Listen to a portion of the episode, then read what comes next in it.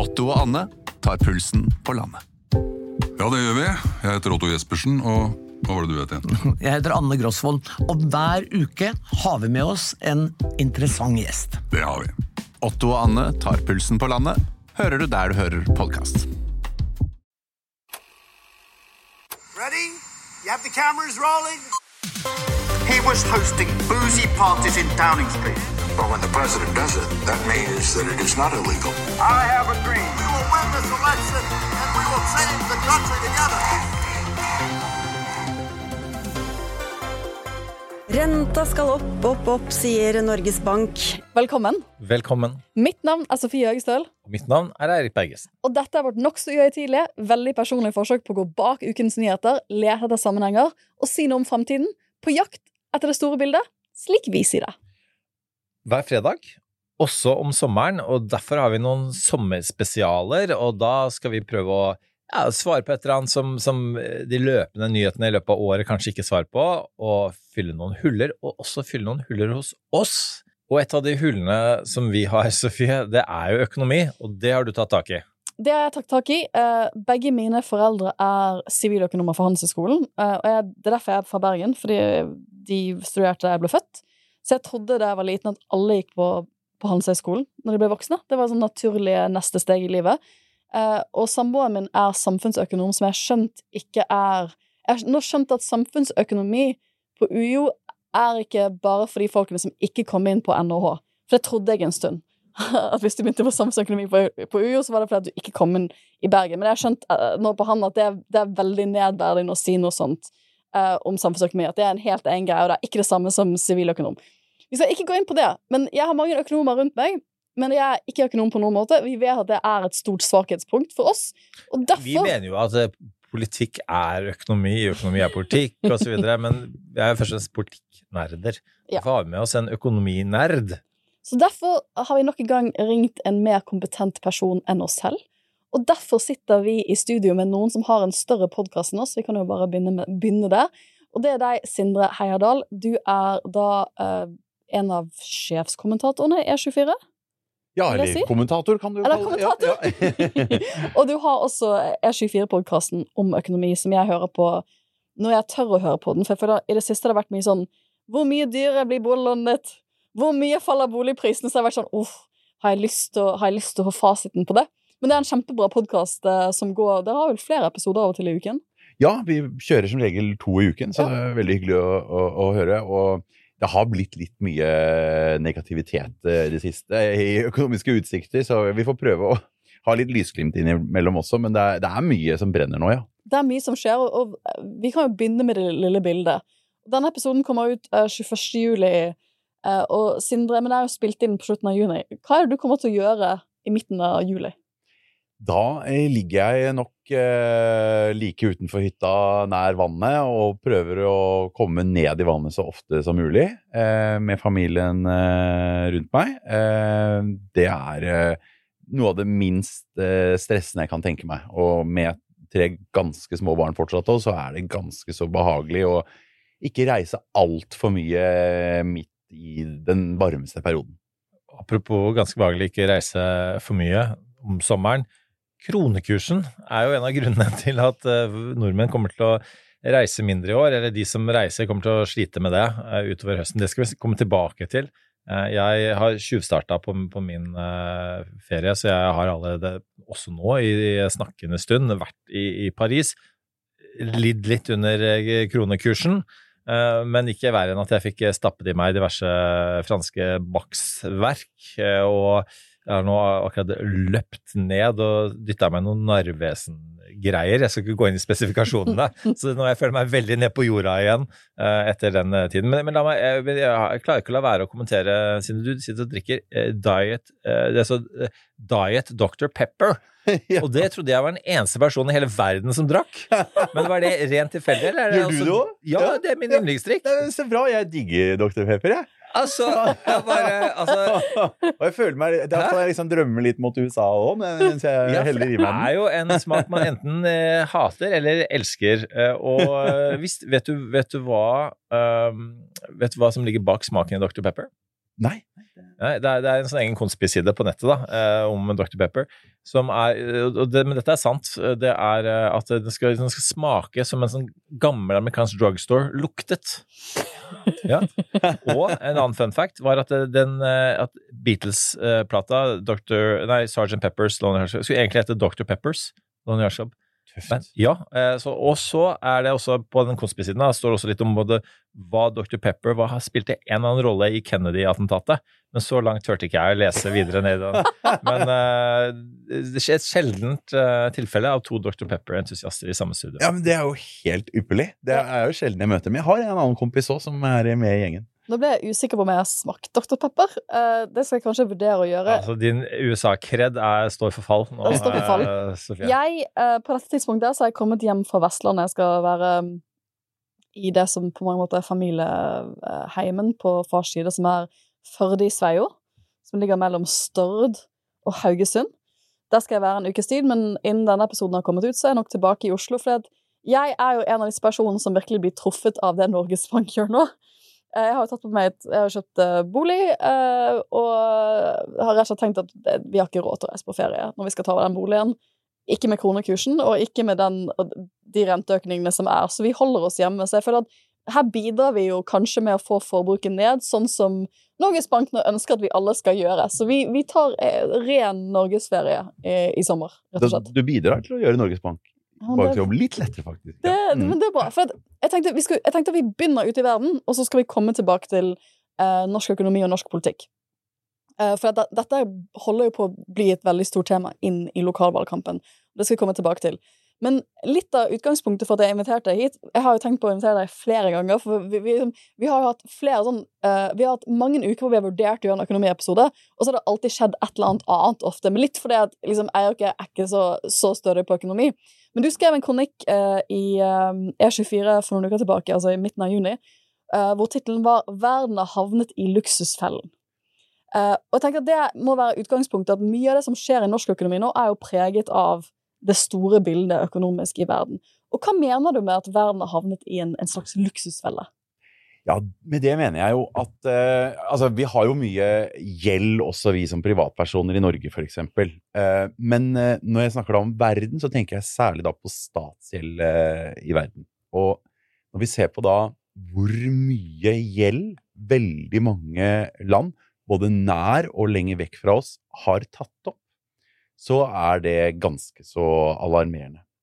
Vi har eh, også under finanskrisen sett at eh, stater da ofte tyr til voldsomme gjeldsopptak når de møter en akutt krise. Ganske naturlig, ikke sant. Hvis folk flest eh, opplever tunge tider, så ligger det jo nær å, å kjøre på med penger for å kompensere folk flest eller bedrifter eller andre. Eh, og for land flest så må man da gjerne ty til mer gjeld. Hvis man ikke er villig til å kutte samtidig.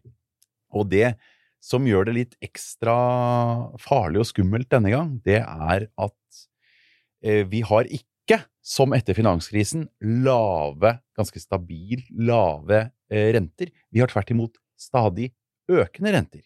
Det betyr altså at eh, veldig mange land er proppet fulle med lån, og samtidig må de betale stadig mer for å betjene disse lånene. I den grad at eh, Frankrike eh, snart eh, får sin største utgiftspost i gjeldsbetaling.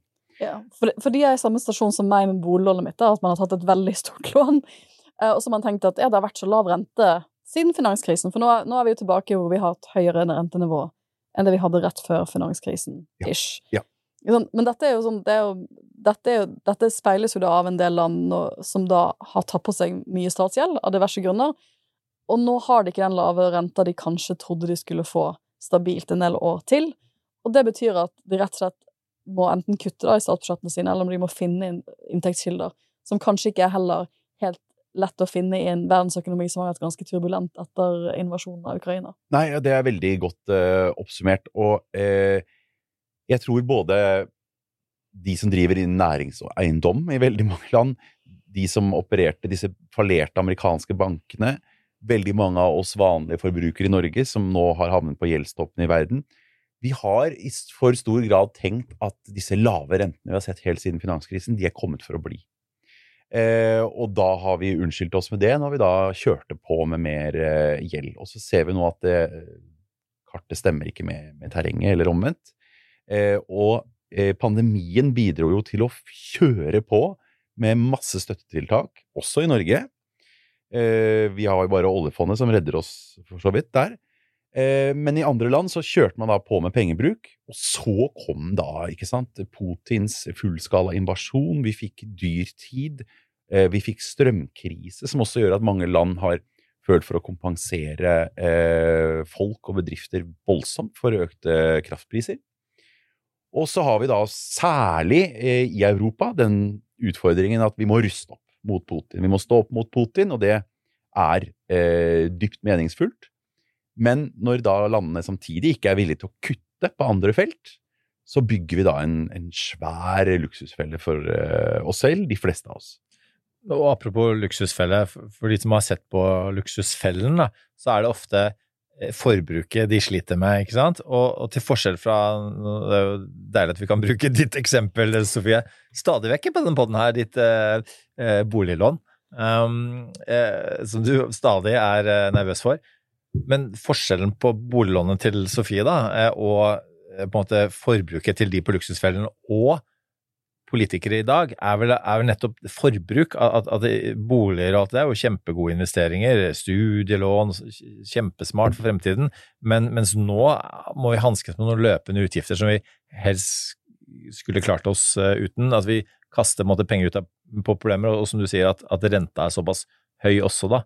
Og, og forbrukslån har ofte veldig høy, høy rente. Ja, ja, ja definitivt. Og, og ehm, eh, for landets del så er det jo sånn at i demokratiske land så skal det være et gjenvalg hvert fjerde år typisk, eller hvert femte år, og eh, da er det selvfølgelig veldig fristende for en politiker som ønsker gjenvalg, å fortsette med gjeldsopptaket, iallfall til eh, eh, han eller hun er eh, gjenvalgt, og så heller eh, eh, kjøre på, altså. Og, og, og det gjør at eh, det er vanskelig å komme ut av. Vi har hatt noen få unntak. I Finland, og realistiske finner med sin eh, historie, så klarte jo faktisk deler av opposisjonen å gå til valg på at de skulle kutte i utgifter og få ned, få ned den enorme finske gjelda. Og de vant altså valget på det. Men jeg er litt redd at finnene er et lite unntak her.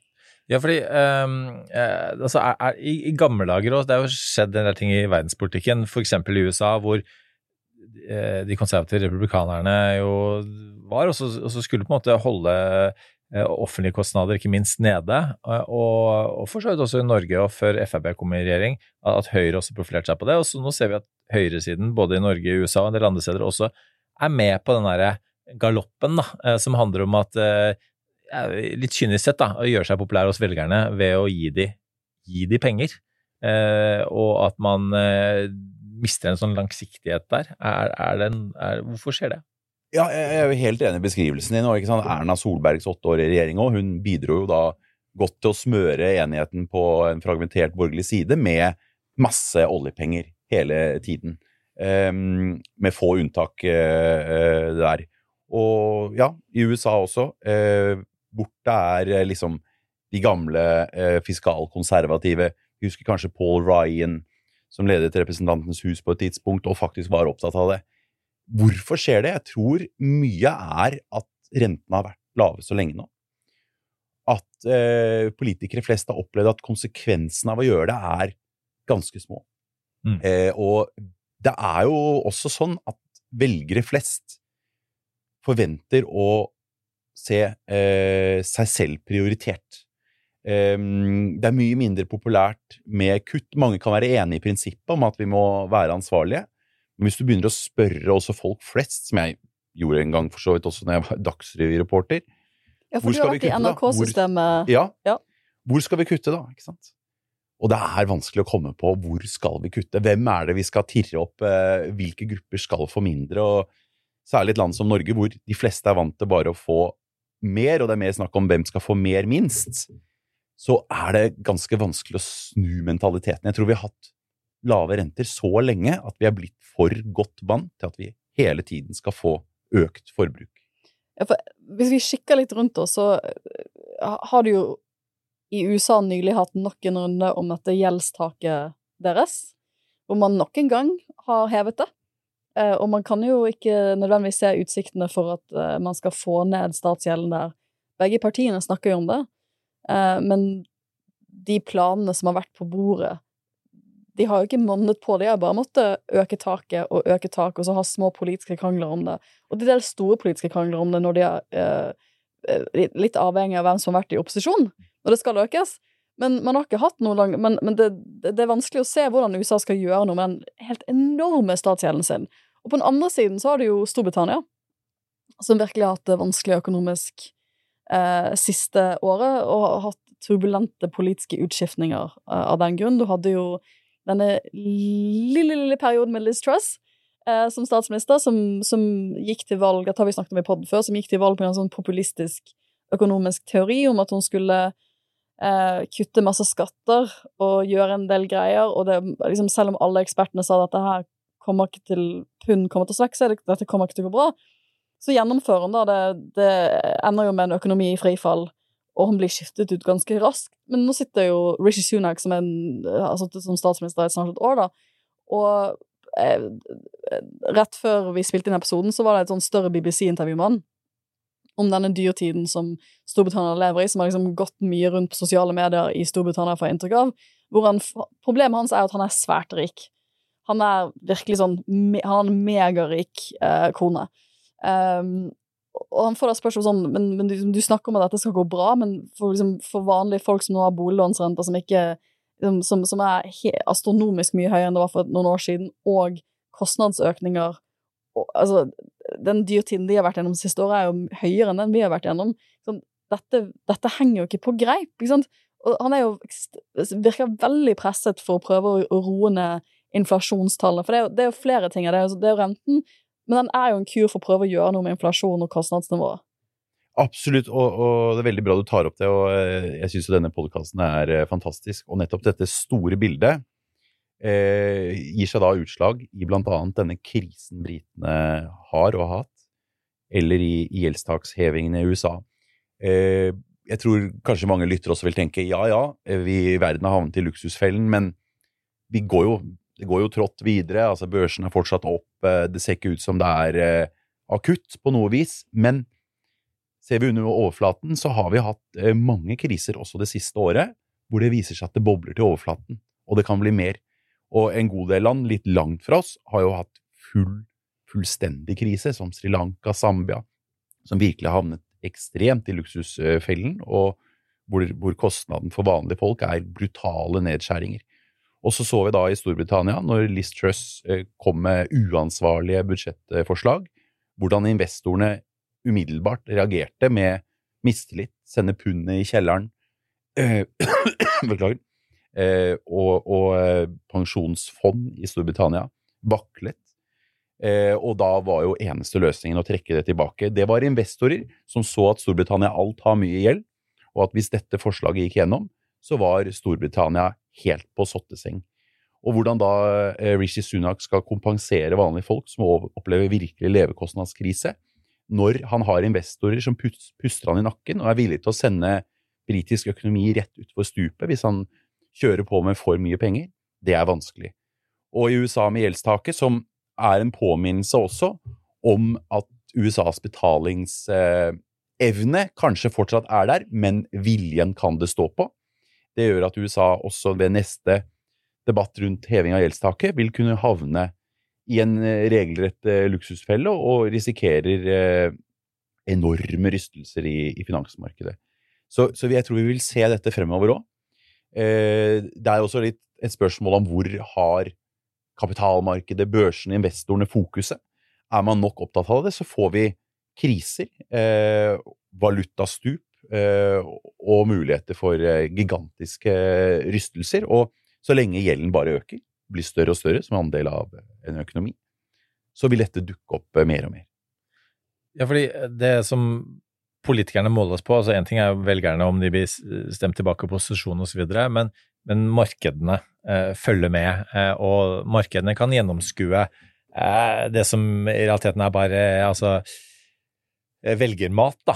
Eh, og, og sånn som med Liz Truss? Der, der reagerte man, eh, og, eh, og det, dette svekker tilliten så mye til britisk økonomi eh, at dette kommer til, til, til å slite med eh, altså kostnaden ved eh, en lite troverdig økonomisk politikk er veldig store, da. Um, og hvordan, er det, hvordan vil du si at um, politikerne balanserer dette? Altså, det er jo ikke minst, minst i USA også. Altså man, man uh, Tilliten til amerikanske både Demokratiet snakker vi veldig mye om, men også til, til økonom, amerikansk økonomi. Eh, og, og med, med, med, gjeld til, til, Kina, en del sånne andre land man ikke liker å sammenligne seg med, er, er jo stadig rundt hjørnet og truer, da.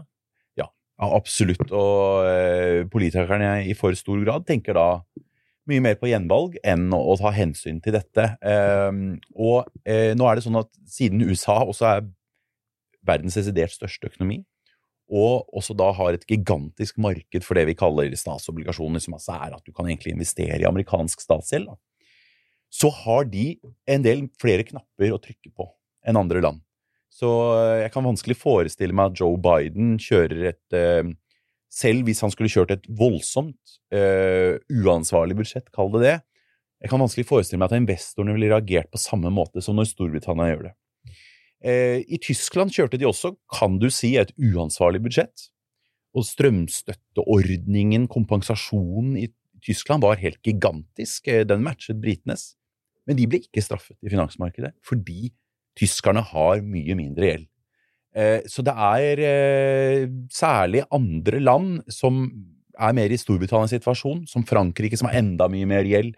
Mange av eh, landene sør i, i, unionen, hvor jeg tror at politisk uansvarlighet mest vil straffe seg. og mange framvoksende markeder.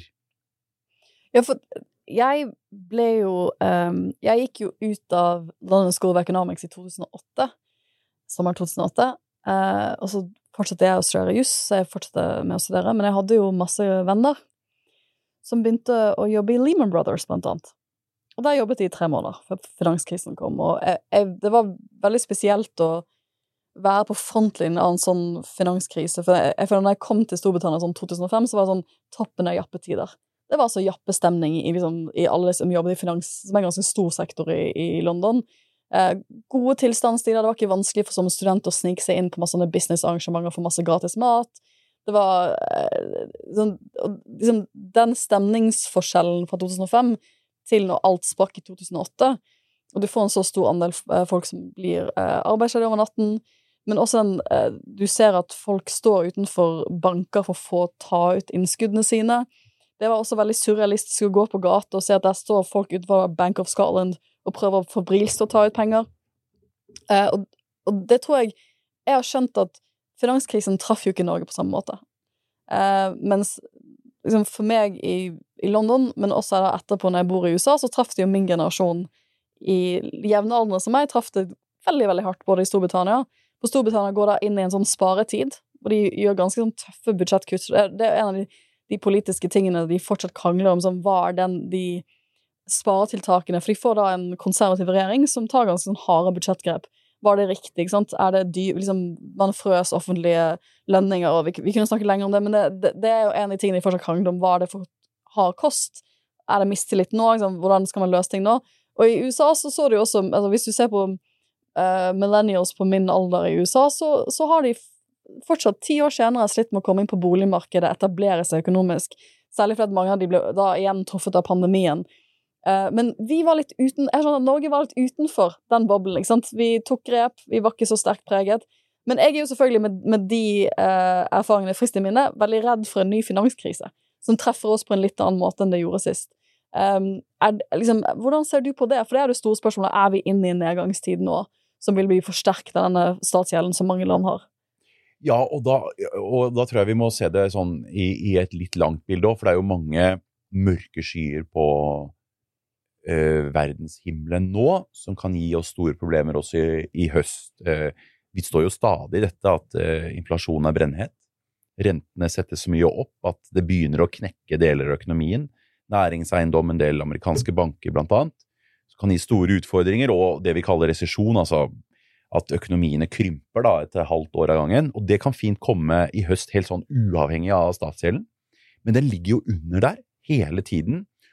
Og eh, det som jo dessverre også statsgjelden bidrar til, er jo at landenes evne til å agere når det er eh, nye kriser for folk flest med å betale for seg, eh, blir mye mindre. Det er mye vanskeligere å kjøre på med nye krisepakker når du alt har så mye gjeld at investorene sitter og våker over deg og har klart å sende valutaen din i kjelleren eh, når du kommer med mer penger. Eh, så, så muligheten til å handle når vi får nye kriser nå, den blir jo stadig vekk eh, redusert. Og dessverre er rentene på vei oppover også, så det gjelder jo samme på boliglånet ditt, Sofie, som for et land. At eh, da er det enda mindre penger da, til barnehager og eldreomsorg og alt det andre som velgere er opptatt av. Ja, og det er liksom det du sier, det er jo en verktøykasse man tenker her, man har som økonom. Det er det man er skjønt man lærer disse fem årene man studerer økonomi. Man lærer litt om denne verktøykassen man har for å prøve å agere i Når man kommer i en sånn finansiell, finansielle sjokk, eller, det, eller en, en, en, det, hvor det er mørke skyer på horisonten. Og hva er det man skal ta ut i verktøykassa nå? Det er jo det, det, er jo det jeg, jeg, føler den store diskusjonen er i Norge, men også selvfølgelig internasjonalt hva er virkemidlene som funker? Du ser at bankene setter opp renter, det er det vi får beskjed om at vi skal gjøre i IMF. Men hvilke andre virkemidler er det nå? Jeg vil jo si at Hvis vi skal se stort på det, så må vi jo da også tenke ok, i forhold til statsgjelden. Da må vi jo prøve å holde igjen på, på utgiftene. Eh, og, og, noe som også bidrar til statsgjelden, som vi ikke har nevnt ennå, det er eh, det grønne skiftet. Fordi det krever eh, enorme investeringer inn i fremtiden. Og vi har jo bl.a. Joe Bidens gigantiske infrastrukturpakke, som jo egentlig handler vel, vel så mye om det grønne skiftet. Og dette bidrar jo også til å blåse opp budsjettene. Men jeg tror vi må tenke eh, hvordan skal vi da ha verktøy? Så må vi kanskje tenke mer skattlegge eh, fossil aktivitet, heller enn at statene skal subsidiere voldsomt. Fordi da kan du holde igjen på pengebruken, men samtidig bidra til å få. Verden over i, i en mer lavkarbonsamfunn. Du må tenke alternative løsninger som drar eh, landene i riktig retning uten å ese opp de offentlige utgiftene. Det er én eh, vei eh, videre. Og så er det jo eh, uhyre viktig at man faktisk da evner å se på hvor kan vi kutte for å skape rom til det som vi prioriterer mest Enten det måtte være opprustning for å stå opp mot uh, USA eller Kina, eller, eller, det grønne skiftet, andre ting. Så du må prioritere ekstremt mye hardere, rett og slett. Og så er det et kjempedilemma. Du kan jo ikke bare pøse på med penger for å kompensere alle som opplever renteøkning. For hvis du gjør det, så bidrar du bare til at renten går enda høyere. Mm. Så det er, eh, det er, det er få quick fixes her. Så det myndighetene må lete etter, er eh, igjen, med utgangspunkt i Sofies boliglån, skal, skal, vi kutte Hvordan kutter vi eh, tilsvarende Apple Plus-abonnementet vårt? Ja. Ting vi kanskje ikke helt trenger, tror vi trenger, for vi har jo de tre andre abonnementene allerede. Um, men eh, altså vi, når, vi snakker sammen nå, så har vi allerede hatt en episode med Yama Wolasmal, som har snakket om situasjonen i Midtøsten. Det, det er en av de interessante tingene der, da. Som, som, det, var, det, var, ikke um, direkte hans perspektiv, men eh, sånn herre hva ville en diktator gjort i møte med fremtiden? Men det han da, hans poeng var jo det at eh, en sånn som eh, Mohammed bin Salman i Saudi-Arabia, han har jo satt i gang det grønne skiftet for fullt. Fordi han skal jo ikke velges på, på, i, en, i en, valgperiode. Han skal jo sitte her i, i, evig tid. Så han skal jo sikre at Saudi-Arabia er et godt funksjonelt land til evig tid. Så han satser jo for fullt på det grønne skiftet, for han, det vet han jo kommer, og det bestemmer jo hans handlingsrom politisk fremover. Og, og, og jeg skal ikke sammenligne direkte med demokrati, men altså, det er jo det er litt interessant å se da, at, at eh, han dermed kan være mer handlingsdyktig på akkurat det feltet, og dessverre også på, på kue ytringsfrihet og demokrati på andre måter, men, men, men bare sånn, sånn rent sånn businessmessig fordi norske politikere skjønner jo at vi må dit, og det er ganske interessant det du sier om dette. At, at det er faktisk det også uh, ulike typer måter å skattlegge på, da. Fordi disse, det, det fossile innebærer jo mange kostnader som foreløpig ikke måles på, på, på statsbudsjettet, men, men, men som, som, kommer og biter oss uh, bak etter hvert. Ja, Absolutt, jeg er helt enig, og det er veldig interessant. Altså, man kan jo misunne en diktator noen ganger, som hvis man da har evnen til å tenke eh, litt eh, altruistisk, da, eh, kan da ta de lange linjer. Og føre kanskje et land noe mer sømløst over i det grønne skiftet, blant annet. Og kanskje prioritere for eksempel da jernbane og, og, og vei som faktisk er samfunnsøkonomisk lønnsomt, uten å tenke hen på velgerhensyn. Eh, men eh, vi får kanskje trøste oss med at eh, det viser seg ofte at diktaturene vakler når det kommer til implementeringen, og at hvis du får for mange ja-menn eller kvinner rundt deg, så tar du til slutt helt katastrofale beslutninger, som, som Putin, Ja, for eksempel. For liksom, Kinas økonomi har jo også vært eh, diskusjonstema siste året. For der har det jo vært mye som har skjedd i boligsektoren, har jeg skjønt, for eksempel. Så der har det jo vært spørsmål knyttet til hvor, hvor godt går egentlig kinesisk økonomi fremover. For hvis den begynner å stagnere, hva betyr det for verdensøkonomien? Det er kjempeinteressant. Og jeg tror det er verdt å huske i alle diskusjoner om Kina òg, at dette er et eh, diktatur som setter sine egne tall. Så vi kan ikke ta altfor mye for gitt av hvilke tall vi får matet ut en gang. Eh, og det er jo en stor verkebyll for Kina at eh, eiendomssektoren, som har vært en tredel av økonomien, da eh, er så ekstremt eh, forgjeldet.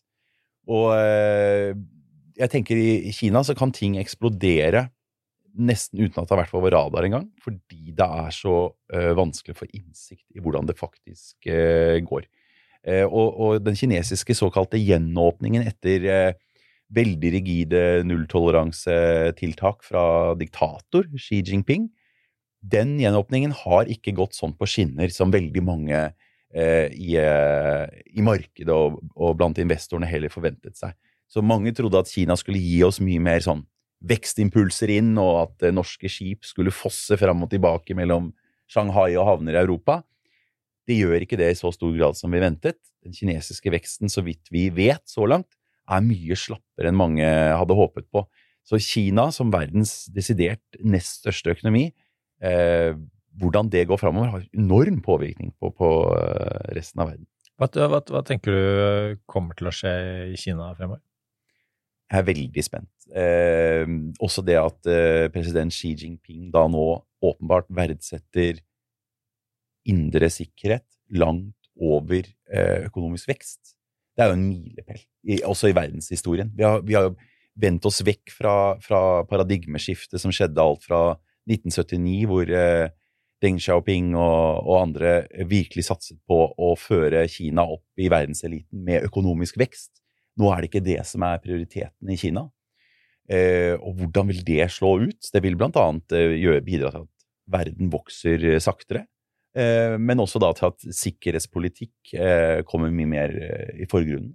Ja, ikke sant? For da, da har du he hele dette Taiwan-spørsmålet, om det kommer til å skje eller ikke, og, og det man heldigvis har på en måte sluppet å frykte sånn eksternt. da. Det har jo vært veldig mye intern eh, uro og, og, og, og, drap og, og folkemord osv.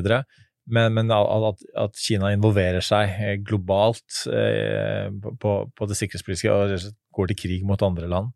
Um, og, det er jo det, og det vil jo, Men det er interessant at du sier at, at, at det har ført til at økonomisk vekstfokuset har, har gått litt i bakleksa, og det er jo det som først og fremst har vært det, det selling argument da, for eh, kinesiske ledere, som du sier. Ja, ja absolutt. Og så er det jo så fascinerende òg, fordi det er jo litt hva kommer først, høna eller egget. Nå er jo også USA opptatt av å begrense Kina, særlig på teknologien, ikke sant, og det er embargo på mange produkter.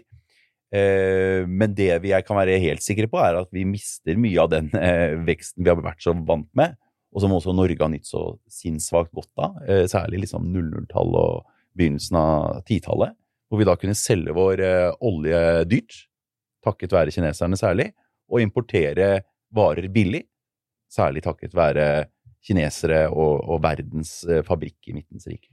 Ja, for dette er sånn, en av de sånn større så Vi snakket, vi litt med Yamar om at det at eh, Biden reiste til Saudi-Arabia for å spørre dem om å hjel litt hjelp på oljefronten for å få ned de veldig høye bensinprisene i USA før, før valget i fjor. Og så fikk de nei, det har ikke vi egentlig tenkt å gjøre. Det var en sånn, sånn ting som kan høres lite ut, men det er en veldig stor omslåing av den maktbalansen i verden. Jeg, jeg, jeg syns også det at Kina har gått har endret, har også uttalt utad at vi går fra en stasjon hvor vi prioriterer økonomisk vekst. Eh, den samfunnskontrakten jeg tror de fleste på min alder i Kina har opplevd. At ok, du får ikke mer ytringsfrihet, og du er godt utdannet, og du har vært i Vesten, kanskje tatt mastergraden din, så du vet, snakker, du vet hvilke rettigheter som er der ute i andre land. Men eh, vi garanterer at dere er med på denne store, store klassereisen oppover. Og nå slår liksom regimet om og sier nei, vi kommer til å prioritere eh, sikkerhet og litt andre typer ting enn økonomisk vekst. Jeg lurer veldig på hva det gjør med kinesere på min alder. Som er litt sånn Oi, dette er jo ikke den samfunnskontakten jeg er vant til, og nå sliter Jeg har plutselig kjøpt meg en bolig Jeg skjønte at i Kina så må du betale for boligen før du får den mens den bygges. Eh, så du har, betalt, du, har, du, har, du har, kjøpt en bolig, du har betalt for den, du har hatt lån på den, og så har du ikke fått den. For den har ikke blitt bygd. Og det er en stor, tom tomt egentlig du har fått. Eh, hva gjør det hvordan, hvordan, Hva vil det bety for Kina om 10-15 år, da? Det synes jeg er, veldig, det er et veldig stort spørsmål. Ja, men Det er et kjempegodt spørsmål, eh, og det spiller på lag med ditt også. Altså, det er um, utrolig spennende om kineserne vil akseptere denne implisitte nye dealen hvor de da fortsatt blir eh, overvåket og undertrykket, men ikke sannsynligvis får den vekst de har vært vant til, og som deres foreldre var vant til. Eh, og eh, du kan jo tenke at regimet da ønsker å bare trappe opp eh, kontrollen i samfunnet for å holde folk eh, i sjakk. Men eh, hvor lenge det kan pågå uten enda mer sosiale opprør enn det faktisk er, særlig i rurale strøk, er jeg veldig spent på. For det å oppleve at lommeboka stadig blir mer velfylt, det er viktig for eh, alle eh, i hele verden. Eh, og det er et brudd med moderne kinesisk tradisjon også, det som skjer nå. Min New Deal, ja. på en måte. Ja, ja, ja.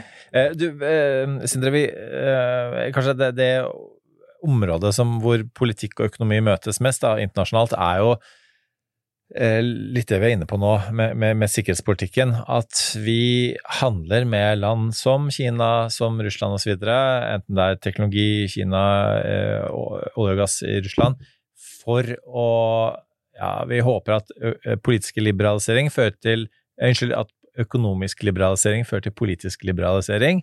Og så ser vi nå med begge de to landene at det har ikke skjedd.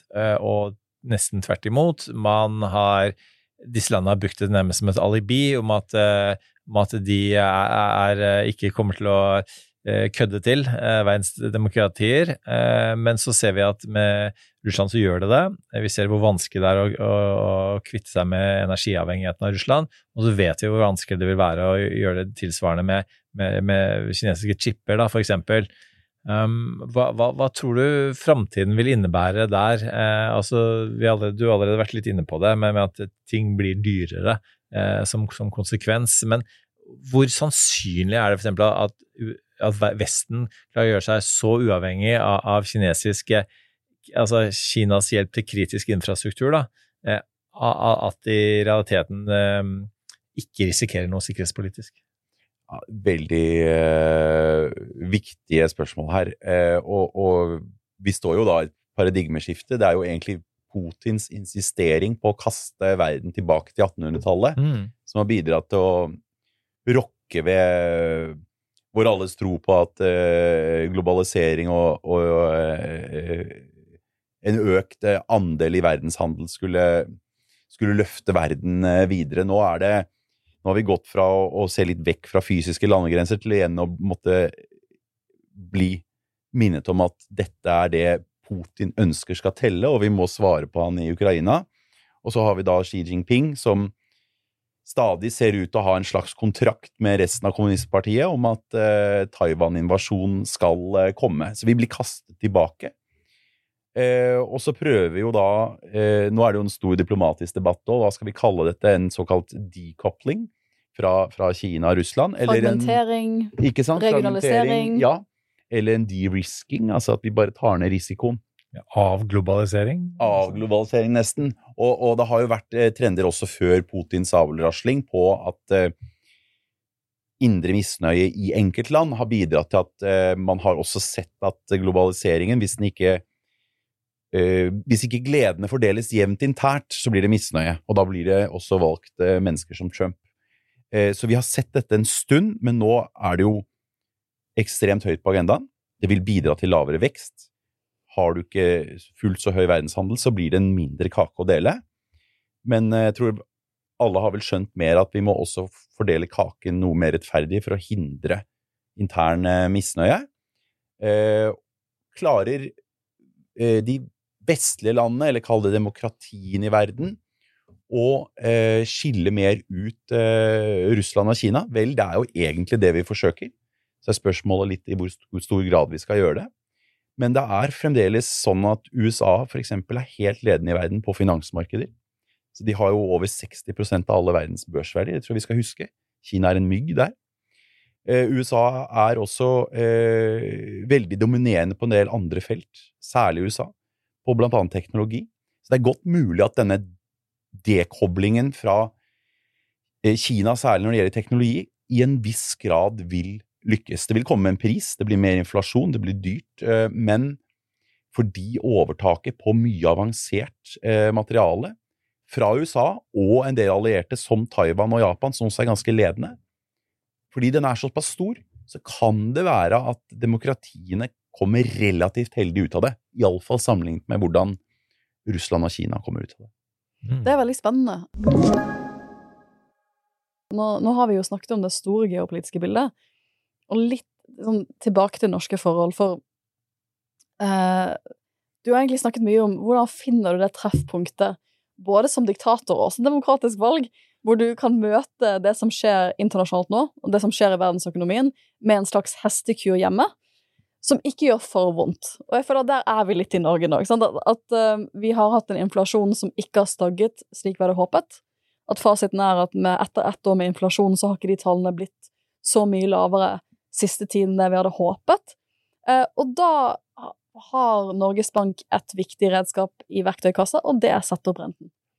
Og det gjør jo at eh, norsk økonomi blir et eh, mye viktigere tema. Jeg merker at det er mye mer for eksempel, omdiskutert politisk enn det det jeg syns det var for to år siden. Eh, og liksom, hva tenker du For det var den siste um, kommentaren du skrev uh, nå i slutten av juni, handlet jo om dette her. Ikke? Nå fikk vi en så, uh, såkalt dobbeltrenteheving fra Norges Bank rett før sommeren, hvor de satte opp renten med 0,5 um, Og liksom Kommer det til å Kommer denne hestekuren nå virkelig til å begynne å bite på? For det jeg har skjønt har overrasket mange økonomer, er at vi har ikke sluttet å forbruke så mye som det de skulle tro vi gjør. Altså, vi, vi har holdt forbruket vårt ganske jevnt oppe, på tross av at hvis jeg skulle begynne å regne på hvor mye tusenlapper mer jeg har i utgifter i nå enn jeg hadde i juni i fjor, så er det ganske mange, rett og slett. Men vi har fortsatt å bruke penger. Ja, og absolutt. Og her tror jeg vi må bare begynne med å anerkjenne veldig at det å lage treffsikre prognoser på hvordan det skal gå med inflasjon og valuta for så vidt, er nesten umulig. Møtte Sveriges riksbanksjef også i, i slutten av juni, og han vedgikk at eh, Riksbanken hadde lite meningsfylt å, å tilføye til hvordan svenskekronen også skal utvikle seg. Dette er utrolig vanskelig, og det har jo vist seg, som du sier, altså alle prognoser fra i fjor på hvordan det skulle gå med inflasjon, har slått eh, ganske katastrofalt feil. Den, holder seg fremdeles altfor høy i forhold til hva man trodde, og også skyhøyt over Norges Banks langsiktige inflasjonsmål, som faktisk er eh, 2 2 Der tror jeg det, det, vil ta år før vi kan snakke om å være tilbake på, på det nivået. For vi er på sånn 6,7, noe sånt nå? Vi er 6,7 eh, når vi spiller inn denne podden, og så vil vi ha noen ferske tall når den er eh, Ute. ute. Men dette er jo fryktelig brennhett. Og det var en aggressiv eh, dobbel såkalt renteheving fra Norges Bank på 0,5 eh, prosentpoeng. Mer enn en del eh, forventet seg. Men de håper jo åpenbart å ta litt eh, livet av prisgaloppen. At flere som meg skal tenke sånn Oi, nå blir det ikke ordentlig sommerferie. Nå Ja. avlyser jeg litt av det forbruket jeg tenkte jeg skulle ha. Ja. For jeg må stramme inn livreimen for å kunne, for å kunne betjene lånene mine og andre utgifter i løpet av neste halvåret. Nettopp. Og Norges Bank også hadde jo forventet at eh, du og alle andre hadde strammet inn livreima mer på dette tidspunktet, eh, og, og at vi ville se ganske mye fall i forbruk allerede, og at ledigheten allerede skulle vært eh, høyere. Så har ikke det skjedd, da. Nordmenn er ganske resistente. Vi har antagelig spart opp en del penger når vi ikke kunne gå på kafé under pandemien nå. Puttet de i bank, eh, bankkontoen, eller inn i aksjer og fond. Så vi har hatt en del å, å gå på. Men jeg lurer på om Norges Bank er, var litt for aggressiv i, i juni. Jeg er veldig spent på den siste hevingen, for vi skal huske at det tar tid før den skyller inn i økonomien.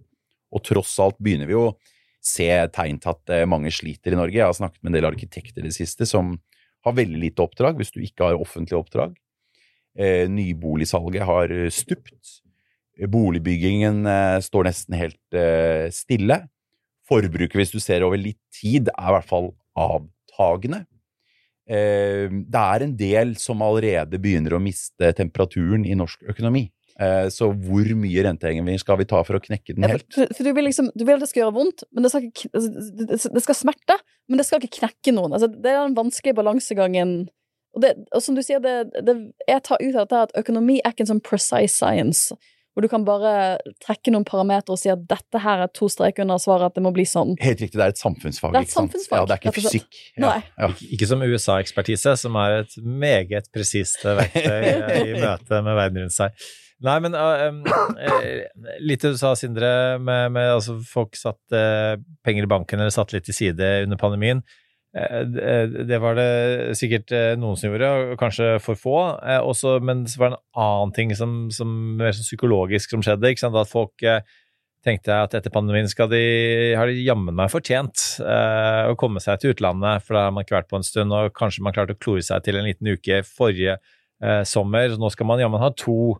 Eh, og så bestilte man den billetten for noen måneder siden, så det som skjer nå, hjelper ikke uansett. Det bare smerter når man er i baren eller hvor det er, eh, nede i Syden.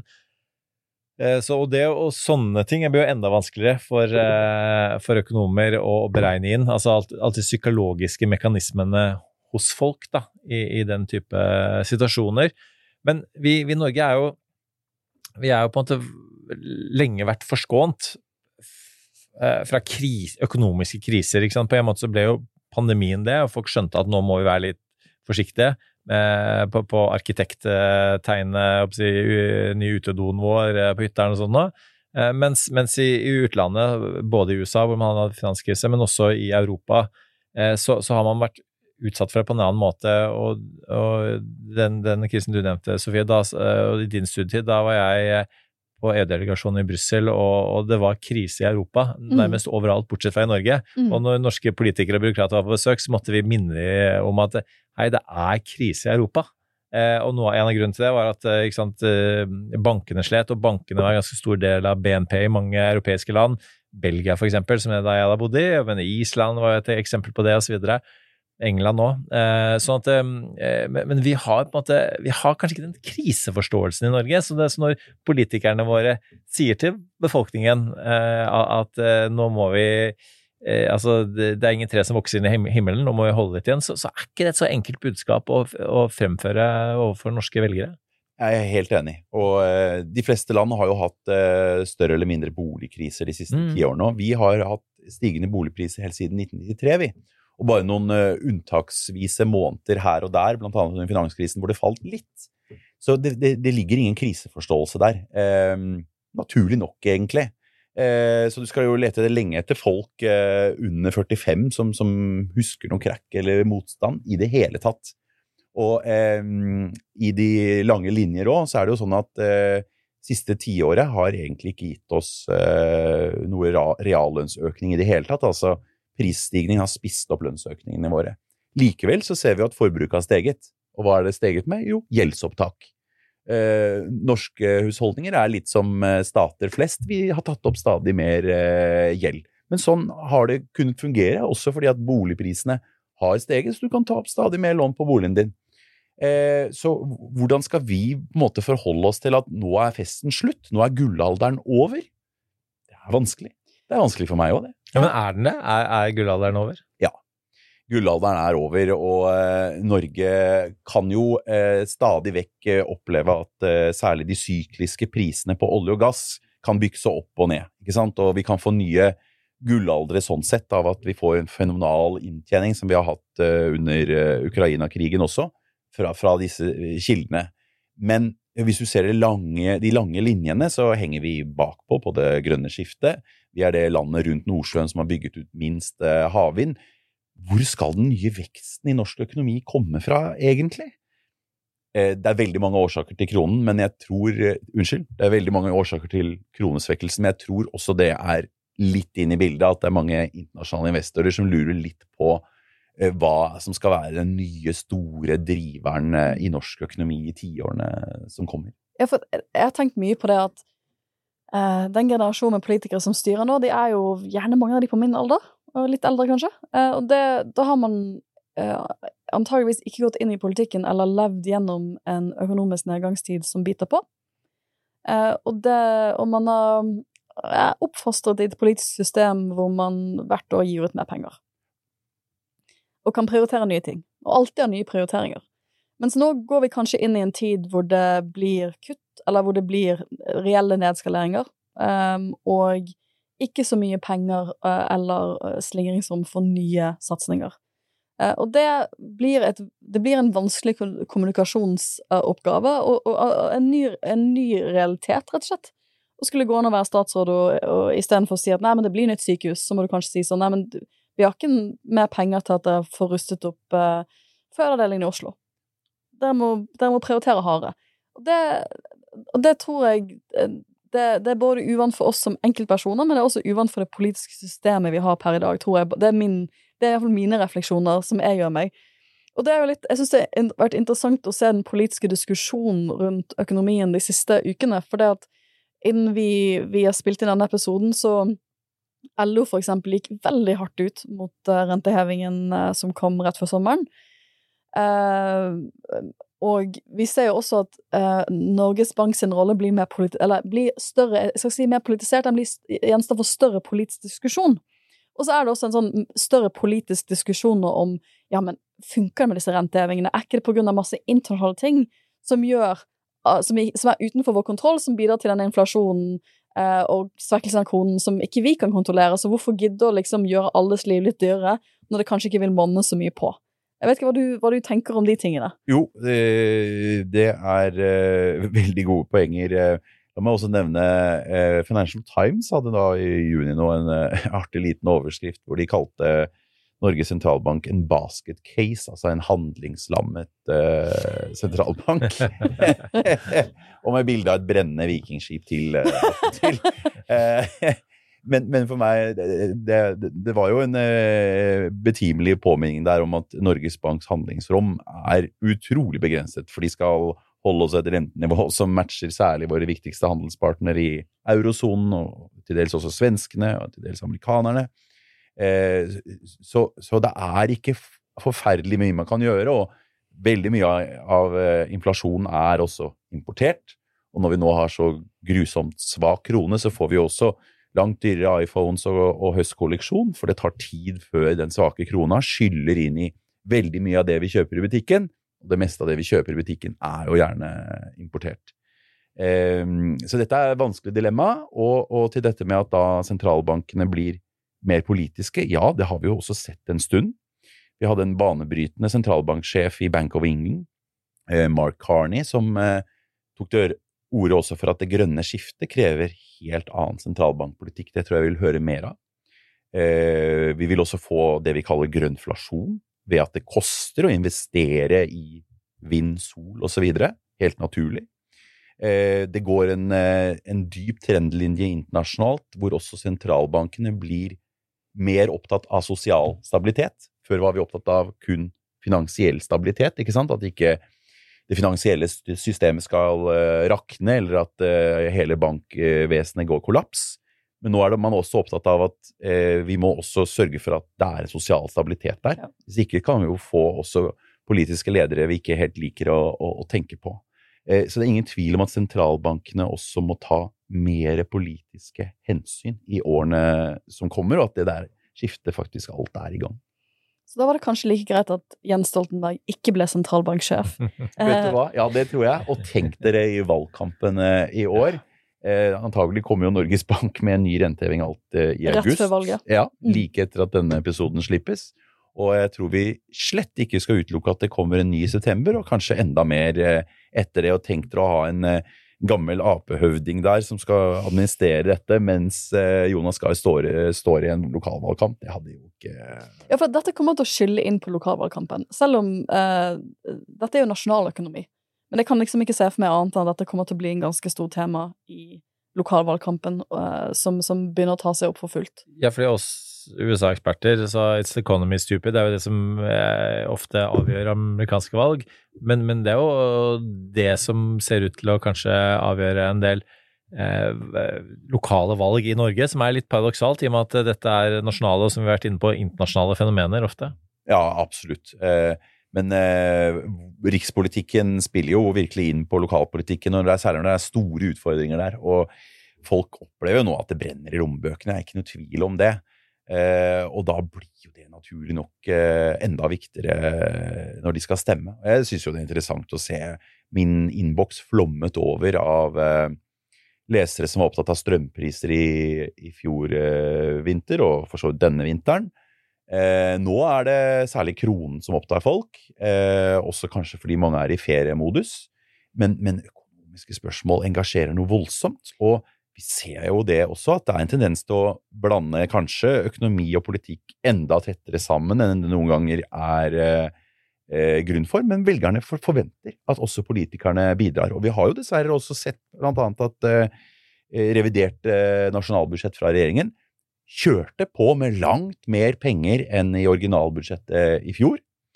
Og eh, Norges Bank, som pakker alle budskap inn i bomull og vatt, sier det såpass klart som vi kan forvente fra en sentralbank, men de, men de sier at uh, den økte pengebruken det bidrar til økt økonomi Unnskyld, økt aktivitet i økonomien. Og hva betyr det? Jo, egentlig at pengebruken til regjeringen bidrar til at renta kan komme litt høyere opp. Ja, for det, det igjen, som du har vært inne på som et viktig poeng, blå-grønn regjering eller blå-blå regjering, eller hva du enn vil kalle Erna Solberg-regjeringene, um, var jo ikke noe flink på å ha på møysommelige, stramme budsjetter. På ingen måte. Um, men det, det, har jo vært etter kritikken av regjeringen at de fremlegger et statsbudsjett i høst, altså i fjor høst, som de sier dette er strammere budsjett. Nå er vi strammere. Det var, det, var, veldig tydelig, sånn, det var, tal, var overraskende at det er et strammere budsjett, for vi må møte den tiden vi er i nå. Og så kommer de med et revidert budsjett, hvor de ESA mye mer ut enn man skulle tro. Så det ble, altså fasiten var at det ble ikke så stramt statsbudsjett i 2023 som det vi hadde trodd. Og det har jo eh, og, det, og det tenker jeg sånn, En av de spørsmålene jeg har fått fra folk, eh, som jeg syns er et godt spørsmål, for jeg er ikke økonom, er sånn Jeg tror folk syns det er vanskelig å forstå at vi tjener millioner og milliarder på uh, krigen i Ukraina gjennom uh, økte gassinntekter. Altså, vi har masse inntekter rett inn i norske stat. Hvis du ser på de statlig eide selskapene, går som det griner. Da, da snakker vi Equinor en, en det er disse store oljeaktørene. Og kommunalt eide selskaper ja, nå i et lokalvalg. Samt, ja, samtidig så skal politikerne stå der og snakke om strammere budsjetter. Hvorfor kan vi ikke bare bruke alle disse pengene? Hvorfor, vi, vi, får inn masse penger, hvorfor kan vi ikke bare bruke de? Hvorfor kan vi ikke bare Hvor, Hvorfor skal man liksom måne til budsjettansvarlighet når vi bare pøser inn på konto her? Nei, det er en forferdelig pedagogisk eh, ja. jobb, eh, men regjeringen gjør det altså ikke noe enklere for seg når de da bruker retorikken om at de må holde seg voldsomt igjen i fjor høst, før da retorikken er fullstendig endret i eh, revidert. Og så kan vi si at eh, til del, dels var det gode grunner for å øke pengebruken eh, nå, for de bommet jo katastrofalt på prognosene for prisvekst og sånn. Men det er noe med at folk blir jo bare enda mer forvirret når de først hører ett budskap, og så et totalt annet et bare måneder senere, når inflasjonen fremdeles er like høy. Det som er så utrolig vanskelig i Norge, er jo da at AS Norge tjener helt vanvittig på høye olje- og gasspriser. Nå har begge de prisene gått litt ned, men de er fremdeles eh, på et nivå hvor vi tjener fryktelig godt penger. Så AS Norge, altså det offentlige, men også svært mange bedrifter og kommunale foretak osv., skuffer inn penger, og så må folk holde igjen. Det, den pedagogiske oppgaven er jo fryktelig vanskelig. Også når vi da vet at vi har 15 000 milliarder i baklomma mm. i form av oljefondet. Men det er jo sånn at og økonomer har jo også slått hverandre i hodet. altså Du kan intervjue ni økonomer som er uenige om hvor mye betyr pengebruken i budsjettet på inflasjon.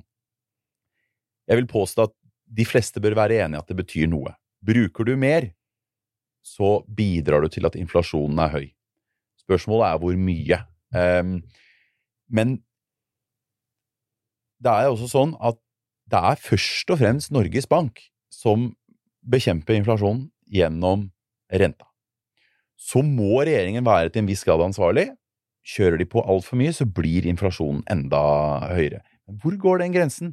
Og hvordan skal du kommunisere at det var den siste milliarden der som ikke kom eh, aleneforsørgere til gode? Det var den som vippet hund. Det går jo ikke. Så vi må ha en litt mer nyansert debatt enn det. Og da kan jeg jo kanskje også føye til at eh, når vi har kommet oss gjennom denne dyrtiden, med denne brennhete inflasjonen, så tror jeg det skal sitte hardt i for norske politikere at de klarer å holde ansvarlig pengebruk. Som du var inne på også, Sofie. Det var eh, løssluppen pengebruk også under Erna Solberg. Og hvordan skal vi egentlig forvente at når Norge som et av ytterst få land i verden står igjen med den aller høyeste betalingsverdigheten hos alle verdens kredittratingbyråer, at vi skal holde så igjen når velgerne forventer mer? Jeg tror det blir vanskelig. Jeg tror, eh, jeg tror vi skal slite i tiårene fremover eh, med det.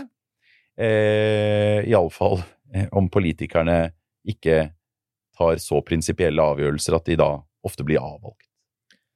Men eh, nå siterte Sofie sitt kommentarfelt. Eh, jeg siterer mitt kommentarfelt, da.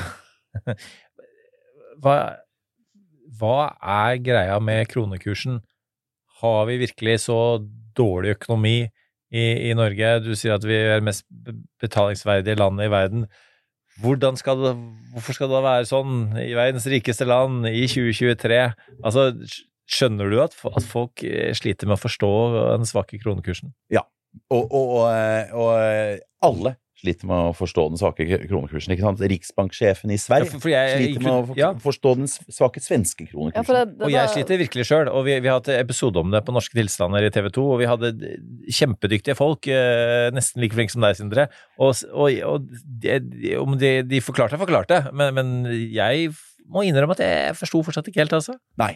Og, og, eh, for å forstå hvorfor vi ikke forstår, ja. så må vi, må også se på hvem er det som eh, preger hva som er kronekursen.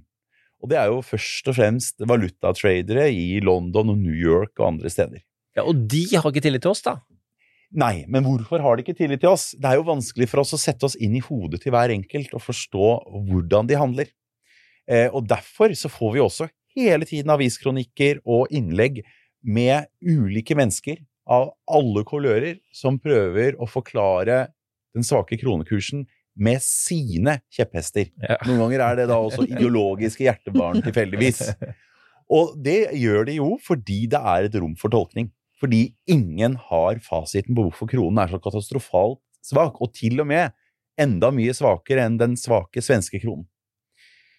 Eh, når det er sagt, så, så, har vi jo en del faktorer som vi med god grunn, eh, også når vi ser tilbake i historien, kan anta betyr en god del. Eh, men, men, hvem som betyr mest, og, og, og, i hvilken rekkefølge, det, det strides de lærde om, som det heter. Men som, ja, mm. som, du var inne på i, i sted, så, så, kan man sitte igjen med en sånn uggen følelse at en del som, som da tar disse beslutningene om å trade valuta, og tenker at Norge, sant, hatt denne oljegulalderen, men hva skal de leve Det er jo det vi snakket om sånn som parodisk i mange tider uten å gjøre så mye med det. Hva skal vi leve av etter oljen? Eh, liksom, eh, produktiviteten vår Har den gått oppover eller nedover de siste årene? Har ikke gått så mye oppover. Ikke blitt så mye mer produktive. Um, det er veldig uklart hvordan norsk økonomi skal omstille seg. Og det er litt den ugne følelsen jeg sitter igjen med, at de har mindre tro på norsk økonomi sine langtidsprognoser enn det vi har, og vi skjønner det ikke. At vi er liksom vi har et såpass stort selvbilde, så sånn Hvorfor vil du ikke ha valutaen vår? Vi gjør det kjempebra! Altså, valutaen vår er kjempefin. Økonomien vår er kjempefin. Og så sitter de der og sier nei, jeg er litt usikker på dette. Ja. Og det er, det er litt illevarslende hvis vi ikke Hvis det er en blindsone vi har utviklet, og hvor vi ikke ser det selv. Ja, jeg er helt enig. Og, og um, du kan absolutt si at til en viss grad så er det en ekstremt svake krone. Det er en mistillit fra utlendinger mm. til vår økonomi.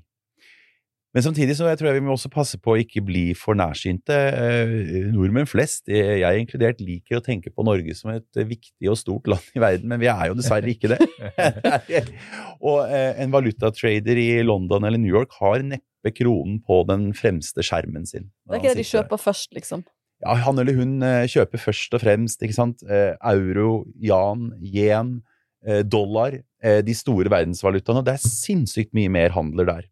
Eh, og jeg har noen ganger også på telefon og sånn fått tak i disse valutatraderne, og de behandler jo norsk økonomi litt med harelapp. De har ikke så veldig detaljkunnskap om norsk økonomi. Så eh, bare ta en veldig viktig grunn til at krona er så svak nå, tror jeg er dette med rentedifferanse. At det faktisk er land som har høyere rente enn oss nå. Som har og- økt renten sin fortere enn det vi gjør. ja, så en eh, utenlandsk investor kan få, ofte få to prosentpoeng mer eh, igjen for å putte penger nå i, eh, i USA enn i Norge, f.eks., hvor styringsrenten er opp mot 5-25 eh, Så det er kjempeviktig. Og så er det en liten valuta, lite handlet, så du har ikke lyst til å kaste penger inn i krona hvis du da risikerer at du ikke får solgt den om en uke, hvis du da føler at eh, det brenner.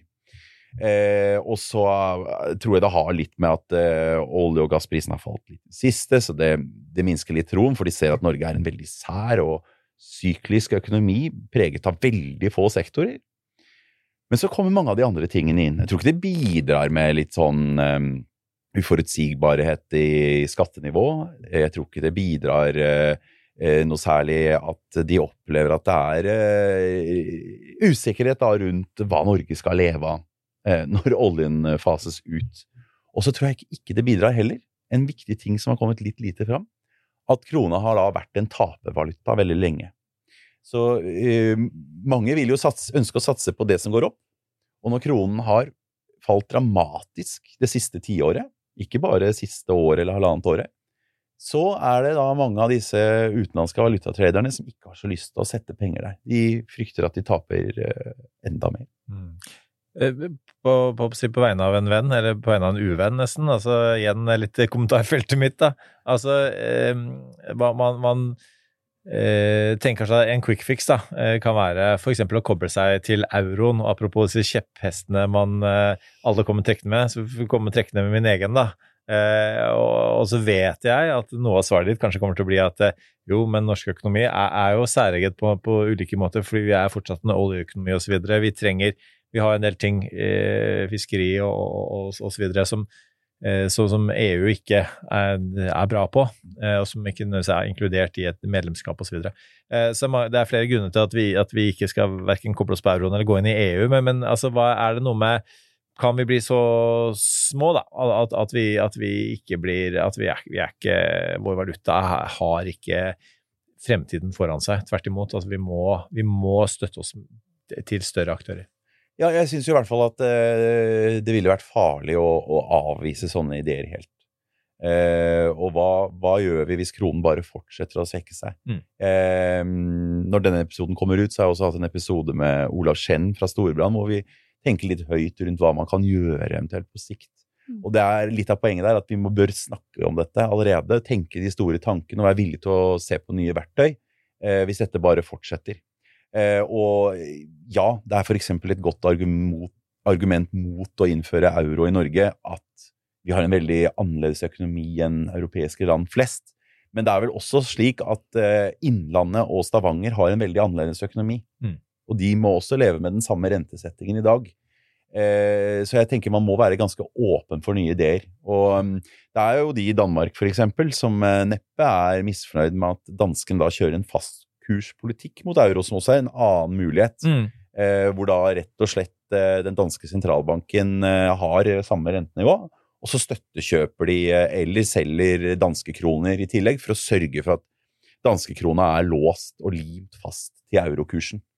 Eh, en annen ting er dette med at man hadde ikke trengt å gjøre noen av delene. Man kunne også ha gjort det slik at Norges Bank, enten offentlig eller eh, eh, mer bare eh, litt i smug, støttekjøpte kroner, for eksempel, for å bidra til at den lå på et visst nivå, nivå mot euroen, da. Det er i hvert fall litt farlig å, å avvise alle disse tankene hvis bare kroneraset vedvarer. Så vi skulle lagd en sånn, sånn der, Vi hadde en episode til ungdommen nylig om måte eh, optimisme i mørke tider. Vi skulle ha sånn episode som, til barn, som er sånn hvordan snakke med barna om kronekursen nå i ferien. Nei, men, men jeg, jeg tror det vi mal, har malt opp her i denne episoden, er at det er mye som skjer internasjonalt, eh, men også i norsk økonomi, som gjør at, som du sier, Sindre, at man må tenke litt nytt om verktøykassen sin i møte med det geopolitiske, altså det internasjonale bildet, men også det, det nasjonale bildet vi står i Norge. Eh, hvordan vi skal stake ut veien videre. For det at så mange folk er så opptatt av økonomi, er jo ikke nødvendigvis et sunnhetstegn. Det er jo fordi at folk er veldig bekymret nå.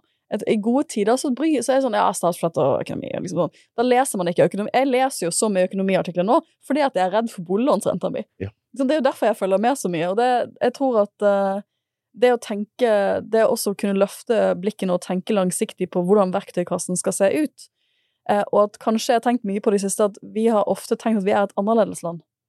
Å, det kan være, det kan være finanskrise på kontinentet i 2008, men det, vi, vi har Stoltenberg, og så styrer vi oss gjennom det, og så blir ikke det liksom, vi, vi, er ikke det samme, eller å, vi skal ha billigere strøm enn resten av kontinentet. Vi er et annerledesland. Jeg tror ikke vi er et til, Jeg tror kanskje litt av det som skjer med kronen, og litt av det som skjer med den andre, at vi er på vei ut av å være et annerledesland. Vi har vært et annerledesland. Jeg er ikke sikker på at vi kommer til å være det om 20 år. Og det er en tøff Det å gå fra å være spesiell til å ikke være spesiell lenger, det er tøft for oss alle. Og så er jo alle sånn Alle land er annerledesland i egne øyne. Så Mm. alle ønsker en, ty en type spesialtilpasning til verden rundt seg. Ja. Så, så, så, så det, det, det ligger jo bare det, i bånn. det har litt vært det samme med budsjettene våre. Det er, ingen andre, det er veldig få andre land som har kunnet øke statsbudsjettene og holde på sånn som vi har gjort. Men den æren er kanskje over. Og hvordan skal det politiske og økonomiske systemet vårt se ut når vi går inn for en sånn landing for å være et annerledes land? Og det, det, sånn, det, det er for meg kanskje sånn det store tankekorset av hva vi skal navigere i 10-20 årene som kommer, da. Helt, helt enig. Og em, vi må alle prøve å omstille hodet, oss, eh, hodet vårt litt nå, tror jeg. Em, vi må nok også venne oss til at når vi drar til Syden, så er vi ikke lenger konger av barn med vår eh, kronekurs heller. Vi har jo blitt mye fattigere målt mot uh, Resten utregningene. ja. Og det er jo kanskje en nyttig øvelse inn i den tiden vi kommer. Vi har jo også Jeg har blitt så lei av å høre i mange tiår så mange som sier vi er verdens rikeste land. Vi har aldri vært verdens rikeste land, bare så det er sagt. Men vi har vært et rikt land. Men, men vi begynner å bli et mer normalt eh, land, og hvor det viser seg at oljefondet også er ikke bufferen for absolutt alt som kan ramme oss. Eh, og det eh, bør vi begynne å tilpasse oss også når vi tenker eh, mot fremtiden. Og så bør vi bare, huske at gamle lærebøker eh, ofte er utdatert. Ikke bare ligger de digitalt nå, men det er det også nødvendig, eh, fordi de må endres oftere. Og eh, det er mye lettere å være etterpåklok eh, enn vis på forhånd, men med, med min etterpåklokskap og alle andres, så er det lett å si f.eks. at sentralbankene burde ikke dyttet rentene ned null når vi hadde pandemi. Ja. De brukte læreboken fra finanskrisen, hvor de gjorde noe tilsvarende. Men den fungerte ikke så bra på en helsekrise hvor vi uansett ikke kunne gå på kafé og, og bruke pengene fra, fra billigere lån, for den kafeen var stengt.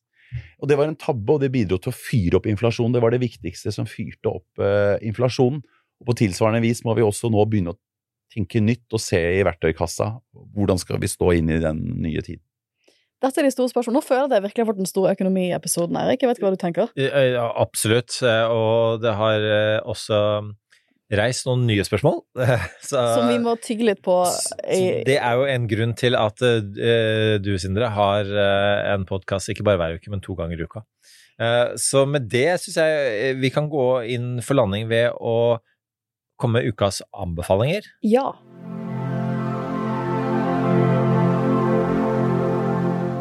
Og min, så er min aller første er jo Sindres podkast. og en annen podkast som jeg vil nevne, er eh, Planet Money, som er en eh, eh, fin podkast å, å følge for både siste, men som også er litt, litt, litt tanker tilbake i tid og litt tanker fremover.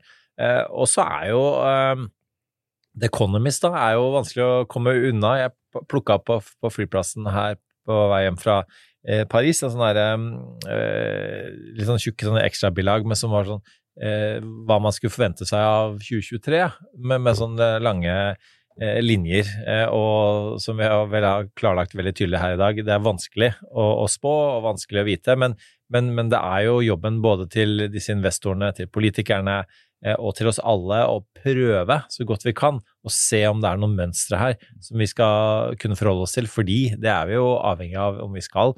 Eh, som, som du, Sofie, taper boliglån, eller som meg nå, eh, eh, meg en ny bil i løpet av noen helt få eh, dager i forkant av sommerferien.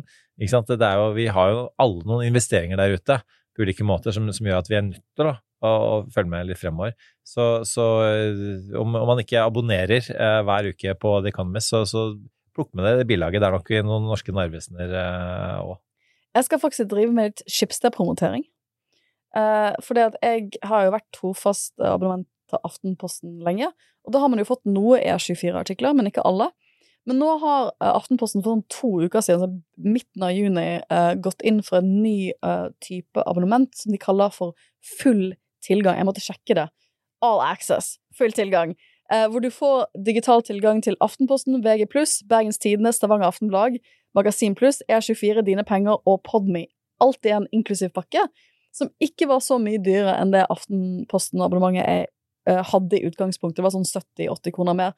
Og jeg har ventet på en sånn type modell, for jeg, eh, det har vært ganske mange sånn For eksempel E24 mm, Veldig få VG pluss-ting, men en del E24-artikler. Jeg tenkte sånn, Dette har vært spennende, men jeg kommer ikke til å betale I disse dyrtider så kommer jeg ikke til å ta opp et ekstra særskilt. Eh, betale ekstra og særskilt for den tilgangen. Så jeg koser med den full tilgang. Jeg har begynt å lese Bergens Tidende igjen, og det har jeg savnet. Jeg liksom, synes det er veldig gøy å lese kommentaravdelingen eh, deres, eh, og også en del av eh, de gode podkastene som dere har på Podme. Så det, det, vært, det, kan jeg virkelig faktisk anbefale. Mm. Hyggelig, hyggelig, anbefaling, da. og det, det, jeg er veldig enig i at når man kan se litt bredt på det, så blir det ekstra stas. For, for hvert plussabonnement kan kanskje være oppleves for spesielt interesserte, men det å, å vie blikket litt, det, det, bidrar. Og Jeg må nesten uh, følge opp deg litt, Eirik, når du nevner Economist, fordi jeg elsker også å høre på podkastene deres. Mm, som, da, og, som, da, ofte er foran uh, denne abonnementsløsningen også. Og, og jeg syns de, som dere, er veldig gode på. evner også da litt ofte å, å løfte blikket, men, men, også ta inn det aktuelle. Mm. Eh, så høre på dere, og så Economist eh, internasjonalt. Da begynner vi å få løfta blikket litt, altså. Sånn som jeg syns det har vært så deilig å gjøre her med dere i dag. Ja, så hyggelig å høre. Eh, så de, det skal jeg også høre på i sommer. Eh, jeg er jo så mye i pod-verden nå, så la meg nevne Journal av Wall Street Journal nå, som jeg syns er veldig god. Ikke bare på økonomi, hvis eh, lytterne tror det. De drar også inn i egne graveprosjekter og alt mulig. og forklarer det på en fantastisk måte ofte. Og Wall Street Journal legger seg også kanskje litt til høyre enn en, i hvert fall del amerikanske, andre amerikanske nyheter. Ja, ja. Men, men, i den poden så merker jeg ikke så mye til det, Nei. for der er det mer uh, på journalistikken. Og jeg sier ikke det nødvendigvis som en dårlig ting, tvert imot ja. så er det en, en, ofte veldig sånn gode måter å forstå hva republikanerne og det konservative USA gjør. Ja, ja mm. absolutt. Mm. Ikke sant? Og, uh, og, også morsomt med Wall Street Journal, egentlig, at kommentaren der er ofte kraftig på høyresiden. Mens mye av journalistikken kan være mm. mer i midten. Eh, fascinerende. Sånn går det når Rupert Murdoch er der. ja, ja, ja, ikke sant? Han har tydeligvis eh, litt mer kontroll på kommentarstaven der. Eh, ellers så er det mm, Nå gleder jeg meg til eh, ferien. Eh, jeg regner med at juli ikke bare blir sommer, men også noen dager med sidelengs regn. Og da er det mange serier jeg skal komme meg opp på. Jeg leter fortsatt etter noe ordentlig godt etter Succession, som jeg elsker. Ja, det gjør jeg også. Apropos Rupert Murdoch. ja, ikke sant? Apropos. Eh, den var så god at jeg har egentlig bare begynt å se den en gang til, så jeg vil bare anbefale alle som ikke har kommet seg inn i universet, å, å kaste seg på. Nå har jeg sett noe som ikke er fullt så bra, men som likevel syns var litt besnærende og interessant. Eh, og den heter Blackout, så den er tysk. Uh, og eh, det er ingen terningkast seks-serie, men den handler altså om hva som skjer når uh, Europa plutselig får total strømkollaps, og ingen får strøm.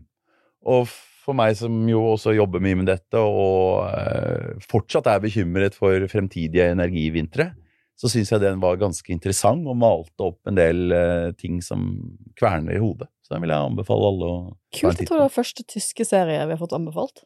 Og da fikk jeg et lite påskudd til å hive inn en roman, for jeg pleier alltid å gjøre det. Har jeg ikke rukket nå. Ser jeg på klokken klokken her, Erik, og nå skal jeg være kort. José Saramago, 'Blindness'. Eh, fordi den handler om når, hvis, når alle blir blinde. Så altså om ikke det er eh, altså bare mørke, men rett og slett blindhet. Som også trigger noen sånne sosiale mekanismer som er veldig interessante. Så da har vi litt eh, avkobling også, ikke bare påkobling. Ikke bare det skal påkobling. være avkobling og avkobling, påkobling. Sindre, dette var fantastisk. Jeg håper du kommer tilbake igjen.